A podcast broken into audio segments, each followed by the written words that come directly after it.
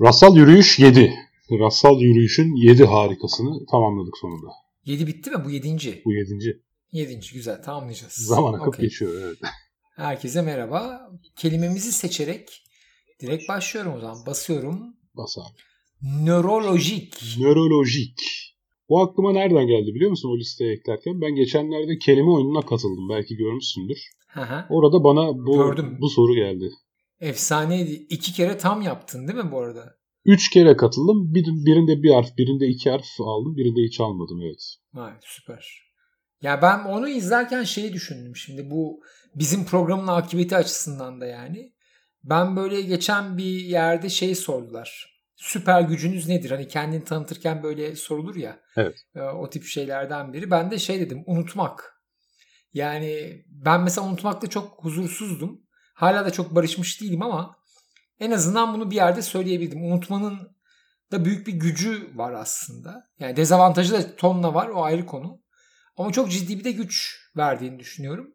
O yüzden şeyi hissettim yani sen mesela hafızan çok iyi olduğunu gösteriyor aslında ve çok hızlı çağırabildiğini evet. gösteriyor. Öyle bir yarışmada yüksek skor yapabilmen. Bende de inanılmaz düşük hafıza yani çağıramıyorum gelmiyor yani ben okuduğum kitabı okuduğumu unutup tekrar okuyan biriyim. Ee, anlattım bu vakayı bilmiyorum ama şey yani kütüphaneden bir gün kitap istedim. İşte dediler ki o kitap çok eskimiş artık veremiyoruz dediler. Ee, burada okuyabilirsiniz. Aa falan filan dedim işte. Sonra bir baktı arkadaş. Hocam size eskitmişsiniz dedi zaten.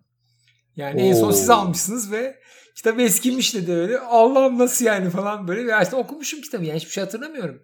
Açtım baktım yine hatırlamıyorum. Ama bu sana özgü olmayabilir. Yani şöyle geçenlerde kayıp rıhtım benden bir kitap listesi yapmamı istedi. Ben de kitap listesi yaparken Goodreads'te hani yardım alayım dedim. Geçmişte okuduğum kitaplara bakayım dedim. Ya bazı kitapları okuduğumu hatırlamıyorum ve içerisinde ne anlattığını da hatırlamıyorum. Ama bu çok yaygın bir şey işte. Bu Cemal Tunç Demir T24'te bununla ilgili çok güzel bir yazı yazmıştı. Hmm. Yani bu gerçekten herkesin başına gelen bir şey. Yani kitap daha çok bizim zihinsel durumumuzu değiştiriyor. Tamam mı? Bir şeyler öğreniyoruz. Dünyaya bakış açımız değişiyor ve kitabın içerisindeki her şeyi unutuyoruz. Hmm. Genel olarak olan bir şey aslında bu. Öte tarafta benim süper gücümü sorarsan abi ben herkeste olmayan bir güce sahibim. O da şu benim stres altında performansım çok daha fazla yükseliyor. Ha o da ilginç. Bak kreatif işlerde düşük derler aslında mesela. Ne ne ya tarz performans? İşte şu kelime oyunu gibi. Yani ekran başında o kadar başarılı değilim ben ama orada o koltukta başarılı olabiliyorum. O koltukta artık zihnim nasıl bir hale giriyorsa üç kelimeden çağrışım yapabiliyorum. Hmm. Ya bende de benzer bir şey olabilir bu arada. Yani ben de mesela normalde çok şeyim ama yarışmalarda falan özellikle biriyle yarışıyorsam bu arada ee, inanılmaz bir mesela şeylerde yani girdim mesela televizyonda öyle yarışmaya 49.6 vardı hatırlar mısın bilmiyorum.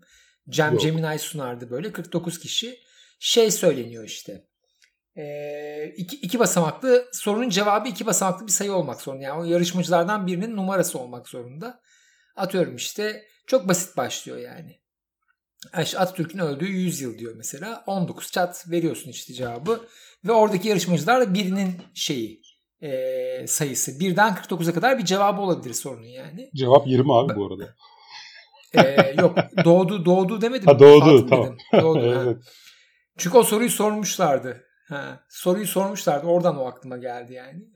Bu arada ben işte o yarışmada girdik. Ee, önce bir prova yapıyorlar. 49 kişiden ilk 6'ya kalanlar oluyor. Yani 6 soru soruluyor aslında ve cevap verdim bitti yarışma bu kadar yani. Hani 49 kişiden ilk 6 cevap veren direkt geçiyor ve 43 kişi eğleniyor. Sonra 6 kişi olunca da şöyle bir kural var. Başkasının numarasını bilirsen onu eliyorsun. Kendi numaranı bilirsen kendini koruyorsun. Ben böyle provada da ilk 6'ya kaldım. Aslında da ilk 6'ya kaldım. Sonra provada birinci oldum. Aslında da birinci oldum. Yani o kadar rahat geçti benim için mesela o yarışma. Çünkü normalde öyle değilim yani. O sorulara cevap verebilen biri falan değilim. Dolayısıyla dediğin aklıma geldi. Son turunda çok kötü oldu tabii. 20 soru vardı ve tek başımaydım. Ve bayağı hiçbir şey cevaplayamadım yani. Stres azaldı belki de. Sana rekabet lazım. Evet. Ya öyle yetiştirdik biz galiba. Yani ben test dönemi öğrencisiyim aslında. E tamam da oradaki o... rakiplerin de aynı dönemin öğrencisiydi çok yüksek ihtimalle. Bence kişisel bir şey. Ama yok ben test döneminin iyi yani başarılı sayılabilecek. Başarı çok kötü bir laf orada da testi yapabilen nesildenim yani. Hani şey gibi yani bir, bir test olunca bir yarışma olunca çok yüksek yapan biriyim mesela. Ama normalde işte şeyde çok kötüydüm yani. Şununla ilgili işte iki sayfa yazı yazın. Kompozisyon ödevi falan. Patlardı bende yani. Aslında normalde o yani çok iyi bir şey değil testte başarılı olmak bu arada. Ben de o yüzden belki o testin stresi, sınav süresi bilmem neyle disiplin oluyor olabilirim. Haklı olabilirsin yani. Zorunda kalınca mı Burada nörolojiden bahsetmeden nörolojiden bahsediyoruz kısmen ama. Evet. Hakikaten abi. Konuya bağlı kalma şeyi yapmayalım dedik ama yani optimum evet. stres denen bir şey var zaten. Hmm. Yani aşırı rahatlık yani hiç stresin olmaması da düşük performansa sebep oluyor. Aşırı stres de düşük performansa. Onun bir arası var. Herkesin bir optimum stresi var aslında. Peki bunun iş tipinin bir önemi var mı sence? Ee, vardır herhalde. Yani sonuç itibariyle yani mesela şey çok konuşulan bir şey. Kreatif işlerde e, maaşın düşük olması ve şartların zorlamasının e, performansı düşürdüğüne dair. Fiziksel işlerde ise arttırdığına dair araştırmalar biliyorum. Yani taş taşıyorsan ha. ve daha çok para veriyorlarsa daha iyi taşıyorsun. Ama kreatif işte öyle değil diye bir şey var. Çünkü dediğimiz ona ters geldi biraz. Onu anlamaya çalışıyorum. Bu da çok kreatif bir şey değil. Belki bilgiyi çağırıyoruz çünkü hafızadan bunda. Onu düşündüm. Ya emin olamadım o kreatif süreç. Valla kompleks o işler ya. Yani benim yüksek lisans tezim bu arada iş tatmini. Ha, ya performans değil ama iş tatmini. Yani e, genelde mesela biz parayı bir tatmin aracı olarak e, saymayız. Para sadece işte kalmanı devamlılığını sağlayan bir faktör olarak görülür. Artı mesela kreatif işlerde de Gerçekten o, o kadar çok faktör birbirine giriyor ki mesela hani şöyle deneyler de var. Bir okul dergisi için yazı yazılacak. E, kişilere hiç para vermediğin zaman daha iyi yazıyorlar. Az para hmm. verirsen daha kötü yazıyorlar. Çok para verirsen yine iyi yazıyorlar yani. Çünkü hiç para vermediğin zaman bu bir sosyal amaçla yapılan bir iş oluyor.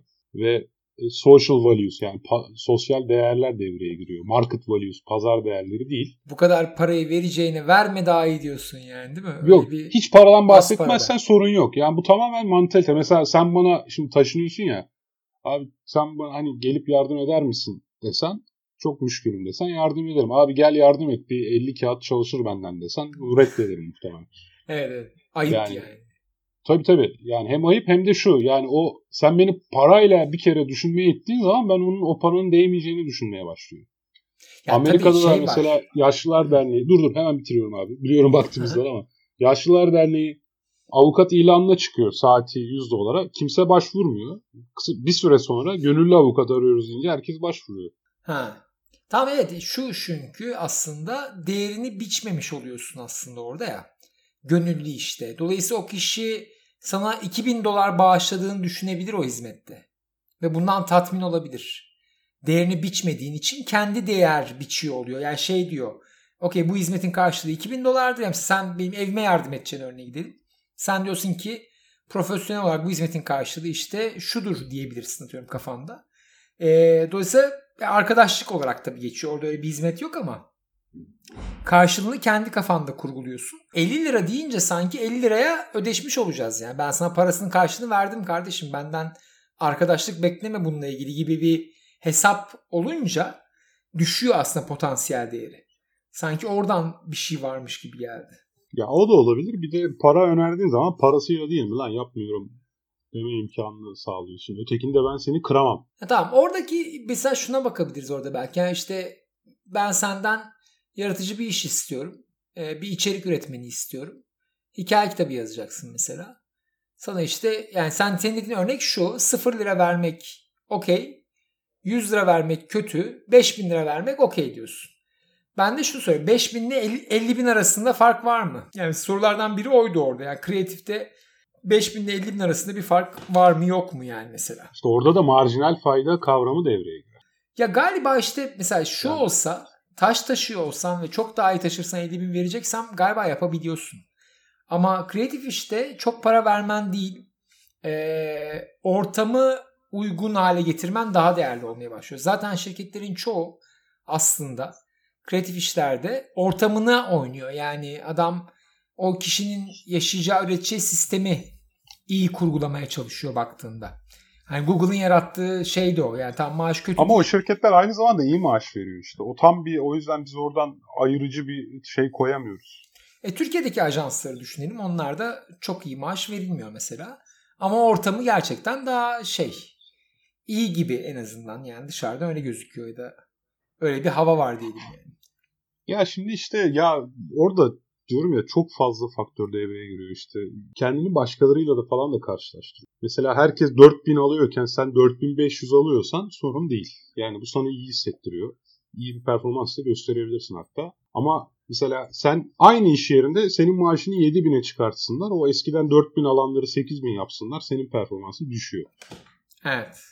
Yani hatta şey bununla vardı, ilgili garip Roberto deneyler Carlos'un Roberto Carlos'un bir şey vardı galiba. Hani takımda kimse benden daha fazla para alamaz. O yüzden parayı şunu arttırın diye.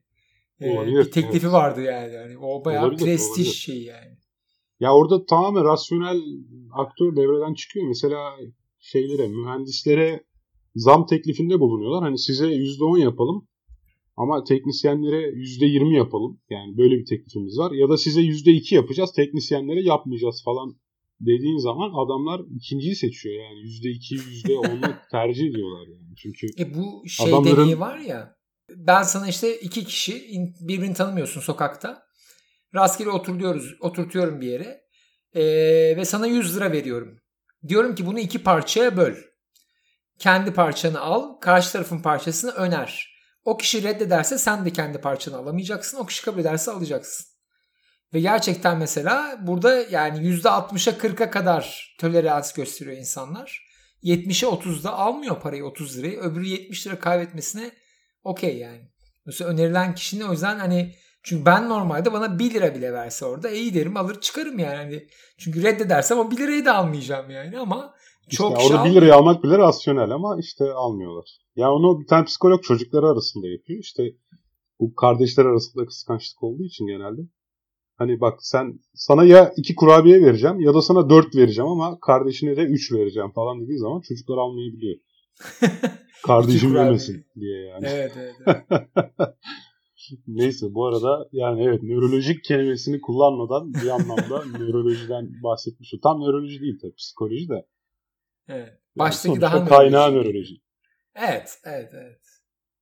Okay, evet güzel. o zaman bu bölüme de bir son veriyoruz. Bu kadar okay. konuştuk ne yapalım. Kesin bize uzat diyenler olacak ya. Çünkü benim bile tadım tamamda kalıyor ya. Ama bölüm sayısını arttırmak ve kelime üzerinden gitmek daha iyi geliyor bana.